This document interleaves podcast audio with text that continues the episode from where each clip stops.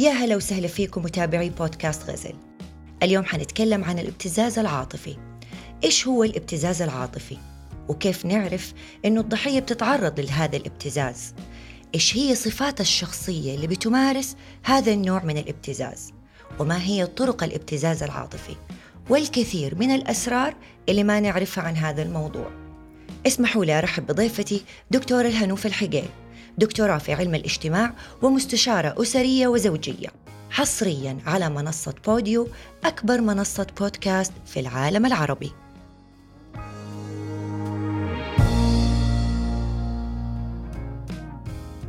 دكتورة هنوف الحقيل أهلا وسهلا فيك. ضيفة عزيزة وغالية ومهمة جدا في برنامج بودكاست غزل. والله العظيم إني من أهم البرامج ومن أهم اللقاءات ومن أكثر اللقاءات اللي قريبة لقلبي اللقاء اللي يكون في بودكاست غزل حقيقة. الله يسعدك. الروح اللي موجودة على هذه الطاولة والحديث اللي بيني وبينك يوصل للناس لأنه فعلا يطلع من من القلب وللقلب. والله دكتورة الهنوف لو تشوف الناس متى حلقة دكتورة الهنوف نبغى دكتورة الهنوف نبغى دكتورة الهنوف كلامك أنت كثير كانوا يقولوا لي كلامها بلسم. على قلوبنا. وأنا أقول لهم اللي يصنع المحاور والمواضيع هو من يفتح الأفق لي. الحمد لله. دكتورة الهنوف يمكن من أكثر الأشياء اللي كانت بتجيني مؤخرا كثير ناس بيشتكوا إنه سواء يعني سيدات أو رجال بيقع عليهم حاجة زي ابتزاز استغلال صحيح. يعني ما, ما أبغى أقول قمع بس بي بيبتزوا الطرف الآخر. خلينا نقول مو بعرف يفرق بين حب أو استغلال. ممكن. صحيح. طيب إيش هو الابتزاز العاطفي؟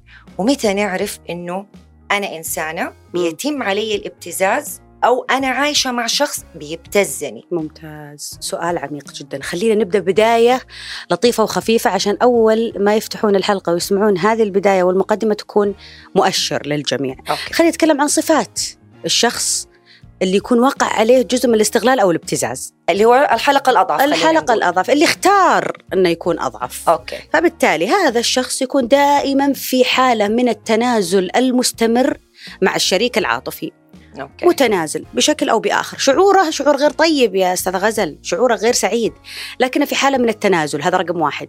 رقم اثنين كثير ما يقع عليه الخطأ من الطرف الآخر ويتجاوز، يسامح، يعدي، يمشي. فن وضع الحدود ما عنده هذا الشخص أو الحلقة الأضعف okay اللي وقع عليه الابتزاز. شعوره دائما يشعر فعلا فعلا إنه رهينة لهذا الشخص اللي هو معاه.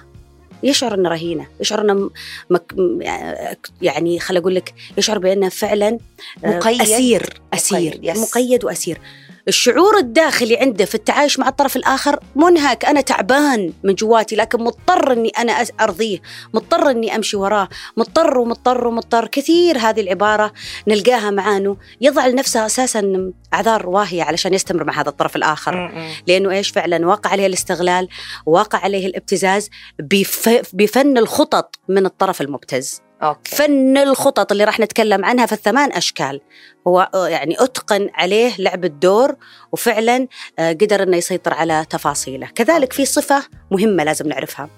هذا الشخص اللي وقع عليه الابتزاز مغيب شعوره. مغيب. يعني أنا أجي أتعامل معك. وش أقول لك يا أستاذ غزل؟ تطلبين مني طلب. أوكي. أنا ألغي شعوري مو بعاجبني هذا الطلب فألغي شعوري وأرضى بما رغبتي به علشان بس ما أخسر أو علشان فعلا ما ياخذ مني أولادي أو علشان مثلا ما توقف علي المصروف أو علشان وعلشان وعلشان وعلشان. فأنا ألغي شعوري وأمشي على رغباتك وأتناسى احتياجاتي. هو تناسي ولا تنازل؟ تنازل تناسي. ممكن هذه لها بعدين على حسب الحالة. أوكي. تمام؟ فهي هذه يمكن صفات العامة اللي قلنا التنازل المستمر الاعتذار المستمر التجاوز المستمر. شعوري بأنا منهك شعوري بأني أنا مجهد في هذه العلاقة لكن أنا أستمر فيها. وأقول إيش؟ أنا أحبه. والإحساس بالذنب في دي الحالة دكتور الهنوف يمكن للشخص اللي بيقعد عليه الابتزاز يمكن دائما وأبدا حاسس أنا مقصر طب يمكن أنا ما سويت الشيء بالطريقة اللي هو يبغاها يا سلام. طب يمكن هي مثلا ما فهمت يعني طول الوقت الشخص اللي بيقع عليه الابتزاز فعليا دائما وابدا عنده إحساس بالذنب. أكمل لك عليها بنقطة مهمة يمكن هو كأنه في اختبار دائما. يسويه ويحس إنه ما نجح. باختصار. هذا اللي وقع دائما يشعر إنه قاعد يؤدي اختبار وما ينجح. والطرف اللي يبتزك أو اللي يستغل عاطفتك هذا فعلا ما خليك تنجح أبد. هو أصلا مراغب يخليك تنجح أبد. ليه؟ ليه؟ حنيجي ليش؟ بالأشكال طيب القادمة الشخص ان شاء الله. اللي بيبتز. أي. أنا خلينا نقول مثلا واحدة توها انخطبت حلو. إحنا إحنا يعني حنمشي زي الناس ما تبغانا نمشي وزي. وبتكلم خطيبها. حلو. إيش ال ال ال النقاط أو الهنتات اللي ممكن تنتبه لها عشان تعرف إنه ده الشخص ممكن اللي قدامي يبتزها آه معلومة وبيستانسون مني رجال الآن مم. ترى المرأة تضع الرجل في اختبارات أوكي هذا أكيد أكثر مما يضع الرجل المرأة في اختبارات. الطرفين كلهم أساسا في أي علاقة أنت كنت قائمة فيها سواء علاقة زوجية سواء علاقة مهنية. سواء علاقة على مستويات البعد ال- الأبعاد المختلفة في العلاقات. كل شخص يجيني أنا يتعامل معي ترى يحطني في اختبار. بيعرف حدودي. أنا بقول لا ما أقدر أكمل هذه المهام لأنها مي بجزء من العقد اللي بيني وبينك. مم. أو ممكن إني أنا أجي أقول للطرف الآخر لما يطلب مني طلب غير منطقي أقول له stop فعلا ما يقدر يقول stop نهائيا لهذا الطرف الآخر. مم. ابدا ما يقدر لأنه في حالة دائما من ارضائه دائما يستمر ويسعى وراه دائما هو البريق الأساسي له في حياته.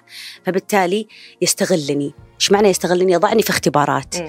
أنا الآن لما أجي أتعايش معك أو أتعامل معك وتتعاملين معي أو نتعامل مع اي طرف آخر في العالم سواء على المستوى المهني أو الحياتي أو حتى على مسار العلاقات الق- القريبة مننا كلنا عندنا كتالوج واضح في تعاملي مع فلان من الناس. مم. يعطيني كتالوج للتعامل معه. هذا الشخص اللي وقع عليه الاستغلال كتالوج ما عنده. ما يقدر يحط كتالوج لنفسه. الطرف الآخر متهاون معاه. لأنه ما قال له هنا stop هنا stop هنا stop هنا stop لا. كل شيء مهلهل كل شيء ماخذ راحتك كل شيء مت- بمتسع وبأريحية مع الطرف المستغل. أمانة. ما راح ياخذ مصالحه منك. طبعا بالراحة. حياخذ سواء الزوجة أو الزوج في مقتبل العلاقة الزوجية أو العلاقات المختلفة. إحنا ما نبغى نركز على العلاقة الزوجية اليوم مم. على مجمل العلاقات. صحيح. سواء العاطفية أو غيرها على مجمل العلاقات المهنية وغيرها لابد أننا فعلا نضع حدود. أي سلوك موقف لاحظوا القاعدة هذه مهمة للمشاهدين. مم. إذا أنت عندك موقف راقب شعورك فيه بعد ذلك قيم ردة فعلك. إذا أنت شعورك كان غير مستريح غير راضي لا تأ- تأخذ وقف. وتعطي. وقف ستوب. اسمع صوت شعورك فعلا. اسمع له. لأن هذه هي الخلل. أستاذ غزل إحنا نبدأ هنا بهذا الشعور. لما نعطي نفتح طرف الباب وشعوري غير راضي و- أو موقفي أو ردة فعلي تكون تبعا لهذا الشعور. أنا بعطي مؤشر لك إني أنا هذا الشيء لا يرضيني. لكن لما أتناسى شعوري واعطي ردة فعل تناسب رغباتك وت- وتناسب احتياجاتك أنا ألغيت نفسي. وأنا فتحت لك الباب إنك تدخل وتستغل وتبتز ما وتعيش بدالك. على كيفك في هذه العلاقة. طلع عاد العقد النفسية اللي فيك. قد يجوز إنه يعني, يعني لما جالسة دحين كده بنتكلم من ضمن الحلقات اللي أنا وأنت دكتورة هنوف عملناها النرجسي. سو ممكن مليون في المية الشخص مم. النرجسي أو الشخصية النرجسية تكون من الشخصيات اللي والله شوف يعني بتبتز يمكن حكينا أنا وياك تحت الهواء قلنا أنه تحت يعني في الكواليس. قلنا إنه هل ممكن يكون مريض نفسي أو لا؟ مم. يا شيخة أقسم بالله ثلاث أرباعهم اللي يستغلون عاطفيا أو يبتزونك ما قد يكون مريض نفسي ولا قد يكون عنده اضطراب نفسي ولا قد يكون عنده مشكلة، عنده مشكلة واحدة إنه الطرف اللي مقابله فاتح له المساحة، إيه. فاتح له، معطيه راحته، ما حط له حد. يلا آه، عنف لفظيا مشاله، مزح معاه مزحة ثقيلة مشاله، إيه. أخذ منه منه مبالغ معينة ما طلبها منه مشاله، وهلم جر الامثله كثيرة اليوم بنتطرق لها إن شاء الله. طيب آه الابتزاز العاطفي بين إحنا إحنا زي ما قلنا ما حنتكلم فقط بين الزوج والزوجة بس الابتزاز صحيح. في جميع العلاقات الاجتماعية في في الحياة أتفق. هل له درجات ممتاز. هل له أنواع اليوم إحنا كنت ناوية معك يمكن تكلمت معك في هالموضوع إنه أنا وانت حنتكلم عن ثمانية أشكال، صحيح ثمانية أشكال للابتزاز أو الاستغلال العاطفي، لما تشعر إنك ضمن هذه العلاقة واقع في أحد هذه الثمانية أشكال راح نعطيك سبل لعلاجها إن شاء الله. وأنت بإذن الله. فعلا شخص بيتم ابتزازك ابتزازه. فصحصح معانا وركز ركز م- جدا جدا جدا معنا في هالحلقة الله يخليك. يلا النقطة الأولى. قبل ما أبدأ وقبل ما أوكي. أقول الثمانية أشكال حتكلم عن قاعدة مهمة جدا جدا اللي هي آه رباعية الاستغلال الاستغلال رباعية الاستغلال القصة كلها عشان نختصرها على الجميع إيه.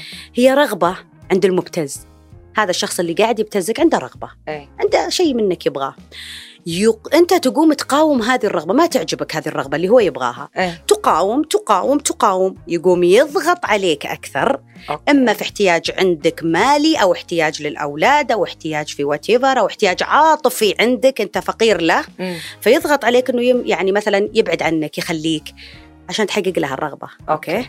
فيضغط عليك بعد ذلك ممكن يستخدم أحد الثمانية أشكال. تهديد لا مبالاة whatever بنحكيها ثمانيه إيه. أشكال. يختار واحدة من الثمانية أشكال يطبقها عليك. بعد ذلك وشلون تستجيب.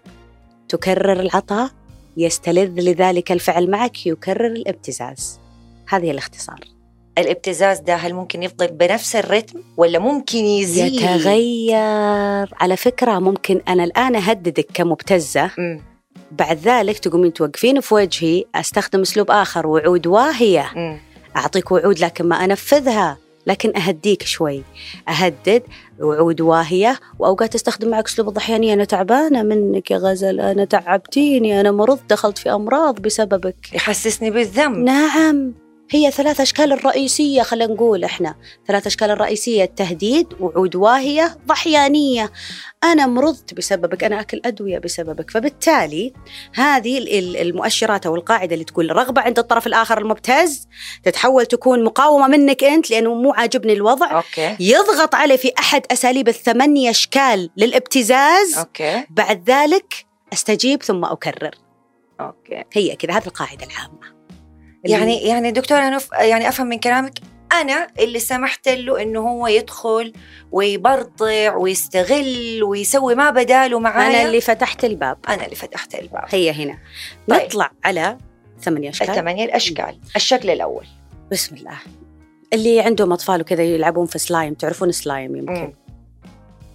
يعني نعرفه يا ما لصق في شعور وفي أشياء أكيد وفي الكنب. وفي الفرشات هذه شخصية slime okay الشخصية المطاطة هذه اللي إيه. ما لها حدود اللي ما هي واضحة اللي أقدر أنا ألبسها طاقية آه، آه، رغباتي و- وأخليها تمشي ب remote control معاي مم. حكينا يمكن جزء عنها في العلاقات السامة أعتقد صحيح ضمن أعتقد السجان فهذه شخصية سلايم يحركها المبتز زي ما هو لأنه أنا جاية لك وأنا ما عندي صورة واضحة عن شخصيتي مم. ما أعرف أنا وش أحب وش ما أحب وش أبغى وش ما أبغى ليش أرفض ليش ما أرفض أوقات يا أخي مبادئ تتغير مم. عند الطرف اللي وقع عليه الابتزاز لأن حب الشخص الثاني الطرف الآخر يجي يقول لك أنا حبيته علما أنه قاعد يمارس العاطفة معك علشان يشكلك على كيفه أما في رغبات جنسية أو في رغبات يمكن هذا الموضوع جدا مهم نتناقش. فيه أكيد شخصية سلايم تجيك مثلا خلينا نعطي مثال يقرب للبنات مم. آه، لما تجي تتعرف على شخص okay. أشبعها عاطفيا خزانها العاطفي. ناشف فاضي إيه جاء الشخص هذا أبو شباب عبالها الجانب العاطفي okay شخصيتها غير واضحة الأبعاد أشبع احتياجها خلاص أدمنت هذا الاحتياج العاطفي أصبح يشكلها. إن ما أعطتني الاحتياج الفلاني أو الشيء الفلاني أو أو حتى ماديا يبتزها أو okay. حتى جنسيا أو غيره. فيشكلها على رغباته. إذا رفضت يسحب نفسه ويبعد. وتدخل هي في تتعب وتتشنج وتنهار أنا ما أقدر أعيش من دونه. إيه. هذه الكلمة. فهو خلاص عرف. ها هذه رمى عليك عليك طعم وعرف إنه هذا الطعم هو اللي يحركك. فبالتالي شخصيتها تعتبر شخصية سلايم. شخصية ما هي واضحة. شخصية ما لها حدود وما لها آه، آه، آه، يعني ما عندها أبجديات في شخصيتها وش اللي يناسبها وش اللي ما يناسبها. كاركتر شخصيتها ما عرفته. إحنا عندنا مشكلة في هذه القضية. الوعي الذاتي حدود الشخصية. هذا مم. موضوع مهم إنكم تطلعون عليه. إذا كنت حاسس إنك واقع في الابتزاز اطلع على مواضيع حدود الشخصية.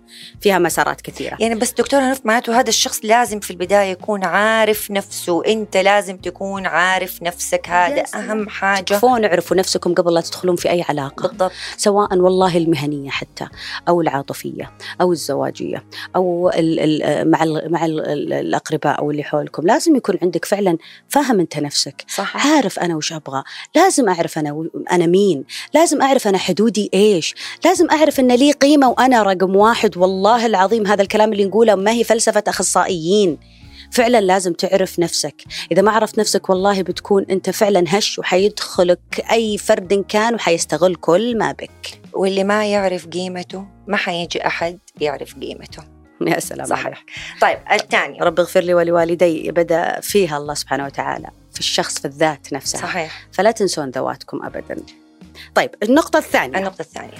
تسمعين استاذة غزل في الشخص اللي يجيك مثلا يستخدم أساليب إحنا نسميها في الع- بالعامية العيارة؟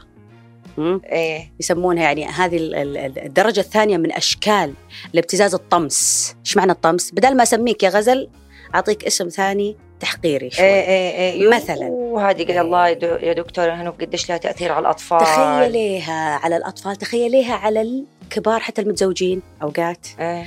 يعني لما الزوج يجي يكني زوجته باسم بايخ شوي أو الزوجه تكني زوجها باسم بايخ شوي. المرة الأولى تكون مزحة أو مع احد احد أحد أصدقائك أو صديقاتك تجيك تقول لك كلمة مزحة. المزحه الأولى نمشيها ترجع تعيدها مرة ثانية. يا شيخة أنت أقول بس كذا كذا على اسم معين. أي. يتكرر هذا الاسم يطمس هويتك و... وذاتيتك يبدأ خلاص يحجمك اجتماعيا يقلصك اجتماعيا فيبدأ يطمسك يطمسك. أي أي شعور بال... بالقدرة على إدلاء المعلومات أو أو العطاء أو أنا أفهم في الجانب المعين أو أنا أعرف في الشغلة الفلانية يجي يسوي فيك يطمسك. تشوفينهم اجتماعيا. يا شيخة ما عندك سالفة. أسكت أنت إيش فهمك؟ يا شيخي حتى على المستوى هذا القاها يمكن بما أني في العيادة كثير تكون بين الزوجين. هذه أحد فيروسات الحوار مم. بين الزوجين اللي هي الطمس والتهكم. هذا الشكل من الأشكال يعني أنت واقع فعلا في علاقة قاعدة تطفي نورك. قاعدة ت- توديك لزوايا مهي بكويسة. يعني حتى لو كان فيك امتيازات حتشوف إنها عيوب. فهو يطمسك. حتى امتيازاتك اللي أنت تشوفها امتيازات برا تكون جوا البيت أو مع الأسرة أو بحياتك العامة ما تشعر فيها إذا كنت مع الشريك هذا اللي قاعد يحطمك. okay هذا في- النقطة الثانية اللي هو الطمس يطمس شخصيتي يمحيها يتهكم علي. يتريق يستخف بي وبآرائي. يعني يمكن يعرفونها العيارة بعد يستخدمونها. أوكي. عيارة يعني كنية غير جميلة. تستمر بإلقاها عليك لين ما تكون جزء منك خلاص. أنا صراحة دكتورة هنوف ما أحس إنه في أحد يحب أحد. ممكن يرمي عليه عيا- عيارة زي ما أنت بتقولي أو إيه. يتريق عليه ويسوي معاه كده. يعني كيف تحبني؟ ومثلا تلقبني بلقب آم، حيوان أو لقب يعني بالضبط. كيف تحبني؟ أو كيف في أحبك؟ والله وردت لي آه، قصة عن الرسول صلى الله عليه وسلم. كان أعتقد عبد الله بن مسعود كان نحيف. وكان ياخذ شيء من الشجرة. جو ال- اللي كانوا مع الرسول صلى الله عليه وسلم قالوا إنه شوفوا ساقا- ساق- ساقيه صغيرتان. إيه. okay؟ ويتهكمون. جاء الرسول صلى الله عليه وسلم وش رد؟ قال إنها أثقل في الجنة أثقل آه، ساقين في الجنة. ساقين عبد الله بن مسعود. شوفي كيف. شوفي كيف. يا يعني- الله. لا تحطمونه. صحيح. هذه هي. فالفكرة وين إحنا؟ الرسول صلى الله عليه وسلم كان يسمي عائشة؟ الحميراء حمرة الخدود. مم. عرفتوا كيف؟ هذه رسالة لكل الأزواج أو اللي بينهم تقارب. حلو أنك تكني الطرف الشريك اللي تحبه بأجمل ما لديه. أولادك زي ما ذكرتي. حلو لما إحنا ترى على فكرة دائما أقول مفترض أن كل كم شهر كذا نعطي اسم كنية فيها يعني عبقري مميز البطل ال... أي كلمة ما صح صح صح. الكلام الحلو الكلام الحلو. والله الكلمة يبني شخصيات. وكلمة تفتح أبواب كثير دكتورة فلا. بد نعرف إن الشخص اللي قاعد يبتزك ترى أوقات يستخدم كلمات أو ينعتك ببعض الصفات بشكل مستمر وأمام الآخرين ويحجمك أو يكسر مجاديفك عشان تكون تحت جناحه فقط. طيب النقطة أه. الثالثة. الثالثة هذه المعاناة اللي تكون في العيادات دائما عندنا. وتودينا المحاكم أوقات تودينا لل- للمشاكل الأسرية بين الأطراف.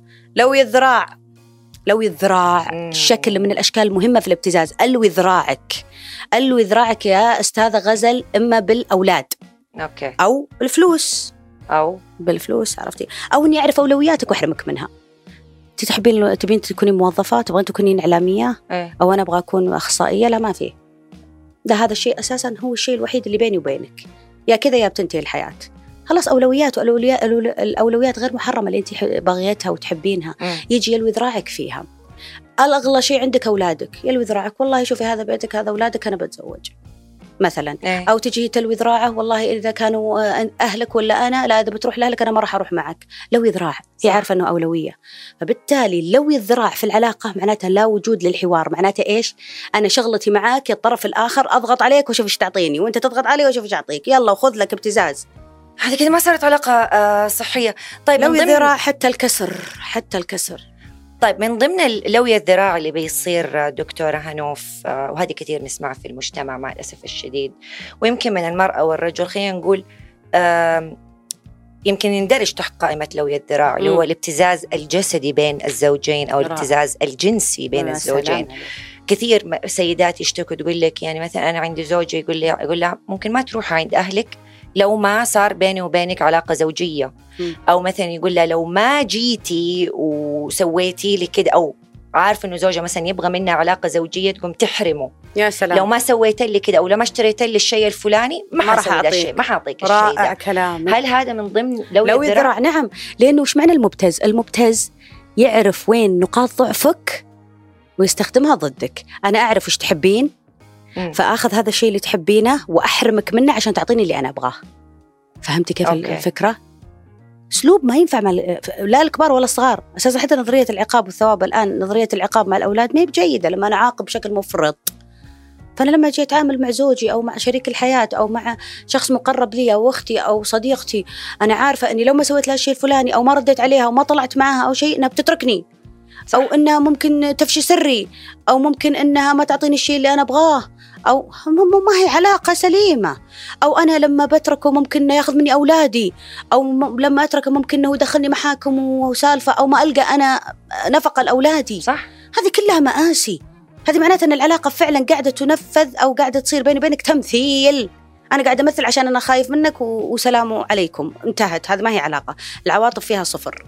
يا الله دكتور هنفن جالسه الحين بتتكلم يعني الأشخاص اللي ممكن يكون بيبتز زوجته في يوم من الأيام معناته هذا لو لا قدر الله في يوم من الأيام حصل بينهم طلاق هذا يعني حي حيشربها السم من كيعانها زي ما يقولوا. يعني حيخليها تولول. إذا أنت وأنا معاك بتبتزني وأنا في بيتك.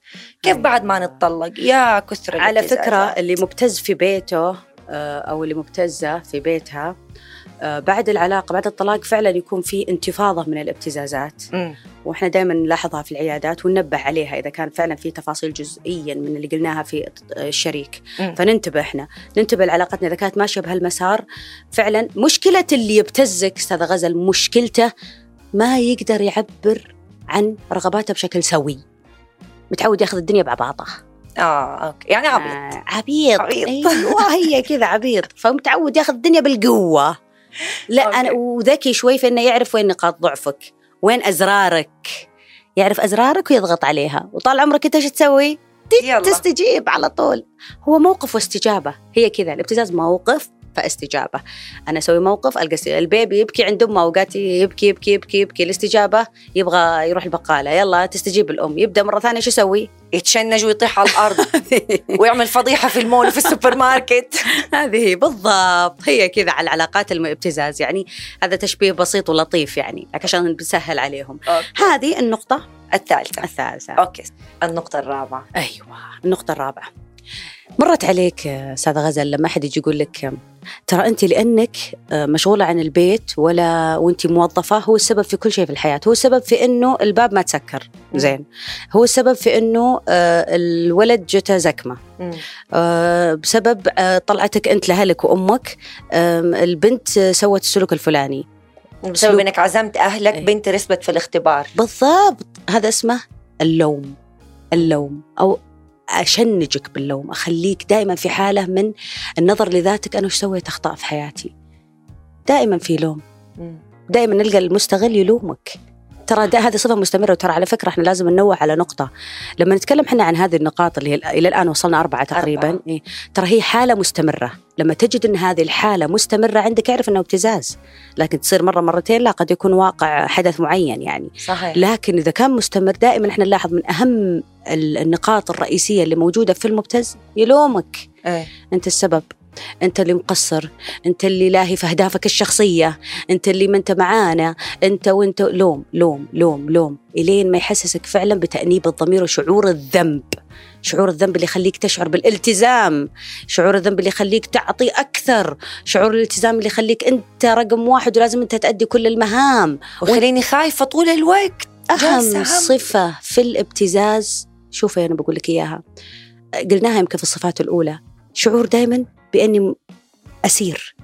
بأني مقيد بأني لازم أقدم بأني ملتزم بأني ضروري أعطيه بأني أخاف منه. كثير شعور صح. ينافي الشعور السليم الفطري الطبيعي اللي لازم نلقاه بين أي علاقة بين اثنين. صحيح هذه صح. هذه أهم النقاط اللي لازم نتكلم تو لما قلنا موقف فشعور فردة فعل الشعور عند المبتز شعور تعبان منهك م- أسير آه، مطلوب منه الاعتذار مطلوب منه العطاء مطلوب منه يقفل تماما بيبان أهدافه الشخصية علشان يركز مع الشخص هذا اللي بي بي بيتم ابتز اللي بيوقع أو أيوة. اللي بيعمل الابتزاز يا سلام. عليك هذه هي. النقطة الخامسة دكتور الهنوف النقطة الخامسة وهذه مهمة جدا أستاذة غزل مم. إكماشك إيش؟ يكمشك. تعرفون الملابس تلب- تغسلينها تكمش؟ إيه. هو يكمشك. okay. إيش معنى يكمشك؟ كيف يكمشني؟ يعني يكمشك إما بصريا أو لفظيا. لما تجلسين في مكان وتبدين تعطين أو تحكين أو كذا يهمشك ويهمش كلامك ويعمل منك حاجة غير واعية. لا لا لا الفكرة اللي قالتها كذا كذا. لا أنا بعطيكم فكرة أفضل. يكمشك لما يجي يتعامل معك في العلاقة ما بينه وما بين أولاده مثلا. إذا كانت علاقة زوجية أمكم ما قضيتها هي دائما تشوف إنها زاوية وهي كذا كذا تهميش تكميش. يكمشها يكمشها يكمشها يكمشها إلين تجيني في العيادة وتقول أنا أشعر إن ما فيني ولا صفة كويسة. يكمش. يا هز ثقتها في نفسها بالضبط. دكتورة. إكماشها. أوقات الإكماش البصري مؤذي. شفتي لما تكونين مثلا في اجتماع عمل إحنا عشان نعطي أمثلة مختلفة. إيه. ويجيك مثلا المسؤول الم- المسؤول عن عملك أو غيره لما تتكلمين ما يباصرك أصلا ولا يطالع عملك. ولا يشوف اللي أنت اشتغلتي ما يباصرك. ما لا اهتمام. أنا الحين أتكلم معك ما مم. ما طالعك. فهذا الإكماش ال- ال- البصري لما نعمل لك إياه أو هذا التجاهل البصري يكمشك يخليك خلاص تنكسر. هذا متجاهلني. لما تدخلين مناسبة مهمة وما يلقون لك اعتبار بصري ولا لفظي. مم. إيش بيصير؟ حتتضايقي. إيه، تتكمشي. تنكمشي كده تجلسي صح مع نفسك. بالضبط هو كذا. فدائما إحنا نلاحظ إنه يعمل لك هالة من تكونين لا طعم ولا لون. زيك زي عدمك. يا ربي طب ليش بيسوي كده؟ علشان يبغى يوصل للي يبغاه. هو في حاجة معينة يبغاها منك. ما قدر يوصلها ممكن هذه الأساليب يستخدمها عشان تفهميني. okay. هذه الأساليب يستخدمها إحنا قلنا تو إيش؟ رغبة يقا تقاومينها ما تبغينها يضغط عليك يستخدم أحد الأشكال هذه اللي إحنا نقولها إيه. علشان تستجيبين ويكرر وخلاص بعدين ياخذ راحته. تصيري مطيعة له يا سلام يعني هذه الأشكال يستخدمها للضغط عليك عشان يوصل لرغباته اللي أوكي. قد تكون تنافي احتياجاتك احتياجاتك اللي هي أشياء أساسية عندك رغباته هي أشياء قد تكون ثانوية فهو يستخدم هذه الأشكال من ضمن الأشكال أوقات فعلا يكمشك يعني إحنا نشوف أوقات في بين المرتبطين أو الزوجين أو حتى الأقارب ممكن كذا لما تجي مناسبة وعندهم تحفظ ولا كذا يكمشونك خلاص لا يطالعك ولا تكلمك ولا ترحب فيك ولا هذا إكماش صح؟ صح، صح، ليش؟ صح، كرد أي. فعل معين إنه مثلا يكونوا زعلانين من بنت أخوهم أو كله هذا بنت ابتزاز. خالتهم فيقوموا مثلا خلاص ما حنكلمها نلقاه اي أيوه هذا صح، الابتزاز صح. نلقاه نلقاه فيه ال- النقطة اللي بعدها السادسة السادسة اللي هي يسمونها نتف الريش. أحلى حاجة إنه هي يا جماعة بتديني مصطلحات أقسم بالله رهيبة وفنانة. خليها تشوق، دكتورة يلا. الهنوف نتف الريش. نتف الريش. طيب. ينتف لك ريشك حبة حبة. أنت عندك امتيازات أو أنت عندك امتيازات تقوم تنتف لك ريشك. ترى أصحابك اللي أنت تطلع معاهم كل يوم هذول واللي معاهم ترى ما يحبونك. لو يحبونك ما سووا كذا وكذا وكذا وكذا. نتف الريش okay أنت تراك تروح وتقطع قلبك لأهلك ولا أنت تقطعين قلبك وتسوين كذا؟ ترى ما حد درى عنك. أنت في الريش صح. أبدأ أركز بها إنه ترى حتى في عملك اذا شافها تهتم مثلا في عملها تراهم يستغلونك يلعبون عليك ترى وترى وترى. يكون الت... يعني التوجيه ما يكون توجيه لطيف. اسمعي لازم يصير في حدود أو اسمع أنت لازم يكون في حدود هنا وهنا. لا. هم يستغلونك إيه. هم يلعبون في حسبة موازينك. هم أساسا أنت الحين في دائرة المستغفل. OK. فأبدأ أنت تفريشك حبة حبة أنت تفريشك الين ما تكره كل اللي حولك. طب ممكن أكرهه؟ اللي بينتف ريشي ده أنا ممكن أكرهه. لا طيب. في ناس تصدق تقول صح ما هو نورني. هو علمني. لكن هذا وش قاعد يسوي؟ يستخدم أساليب علشان فعلا تكون أنت وحدك معطاء له هو مركز معه هو عشان يقدر يتفنن. في نتف الريش في نتف الريش وس- وخلاص زي ما قلنا تحت جناحه. يستغلك بكل الأبعاد. طيب هذه النقطة السادسة. النقطة. السابعة. هذا لما يجيك يقول والله هذه قبل لا ندخل على. السابعة. لما يجي يقول لك والله صاحباتها غيروها ولا لما يقول لك أختها غيرتها ولا لما تجي تقول لك أصحابه غيروه لما تجي تقول لك هو من ما شاف فلان صار كذا وكذا. كل إنسان مسؤول عن تصرفاته. صح. الله سبحانه وتعالى ب- الله سبحانه وتعالى يقول هديناه النجدين. حتى لو كان في تأثيرات خارجية التأثير الخارجي نحن من نفتح له الباب يعني هو المسؤول الأول وهي المسؤولة الأولى. فبالتالي لا تنتفريش لا تعب نفسك. إذا أنت عندك تحفظات أو عندك تحفظات على علاقات الطرف الآخر لا تكرهها في العلاقات هذه. مم. حاول تنوره. لا تكرهه. كل صح. إنسان له الحقية في إنه يختار طبيعة علاقاته. لا ترسم له أنت رسمة لمن ي... من يماشي ومن يروح ومن ما وترسم له دائرته الخارجية. لا خطأ هذا أكبر خطأ. أنا هنا قاعدة أقيد الطرف الآخر وأحس إنه ما عنده قدرة على الانتقاء فبالتالي نتفت ريشه صح يعني طلعني في الأخير إنسانة حمقاء خرقاء ما أعرف أعمل أموري ما أعرف أمشي في أموري إلا تحت إشرافه بالضبط. ولو مو هو اللي قادني أو هي اللي قادتني أنا أضيع بالضبط. يا سلام. فأنا خلاص. أرجع له كل شوي. والله صادقت واحدة كذا كذا كذا كذا. إيش رأيك فيها؟ والله واحدة كذا. فخلاص يصير يصير, هو مرجعي الأول. صح. فبالتالي هو فعلا يشعر بقيادتك المجملة وقياد أو يش تش يشعر هو بأنك قائد له بشكل كافي أو على على مسار العلاقات الأصدقاء كذلك ممكن يكون. يعني ممكن يجيك صديق يجي يقول لك ترى فلان ذا اللي أنت ماشي ترى أنا أعرفه وترى كذا وكذا وترى بيستغلك وتدري يوم من الأيام بيجي يطلب منك كذا وكذا. أذكرك. فيجي يسوي لي أنت لأنه يبغى صاحبه لوحده إحنا حكينا عنها يمكن هذه في العلاقات السابقه صحيح. إيه. طيب النقطة السابعة. السابعة. أوه السابعة السابعة. أوه، السابعة في شيء السابعة في شيء في شيء. ابتزاز الديني. أيوة. ابتزاز الديني ابتزاز الديني. عاد هذا. لعبة ناس مرة كثير دكتور الهنوف مع الأسف الشديد. تدرين الابتزاز الديني إيش مشكلته؟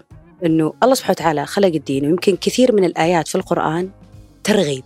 وليست ترهيب طبعا للأسف مورس علينا الفترات الحق... الح- الحقوبات السابقة يعني أنه في كثير من الأمور كانت غير سليمة مرجعيتها آه، في السنة وغيرها ولكن طبقت ونفذت وأصبحت مت... تتردد كأقوال مقولة معينة تتردد بشكل كبير لدرجة صح. أنها مارست علينا يعني الدين دين سمحة دين لين لما يجي يقول لك ترى تلعنك الملائكة لما يجي يقول ترى يعني جميل يجي تجي المرأة بلطف جميل إنك تكسب. المرأة كان لطيف قلناها في الحلقة اللي صح، قبل. صح. تعالها باللطف حتجي لك والله.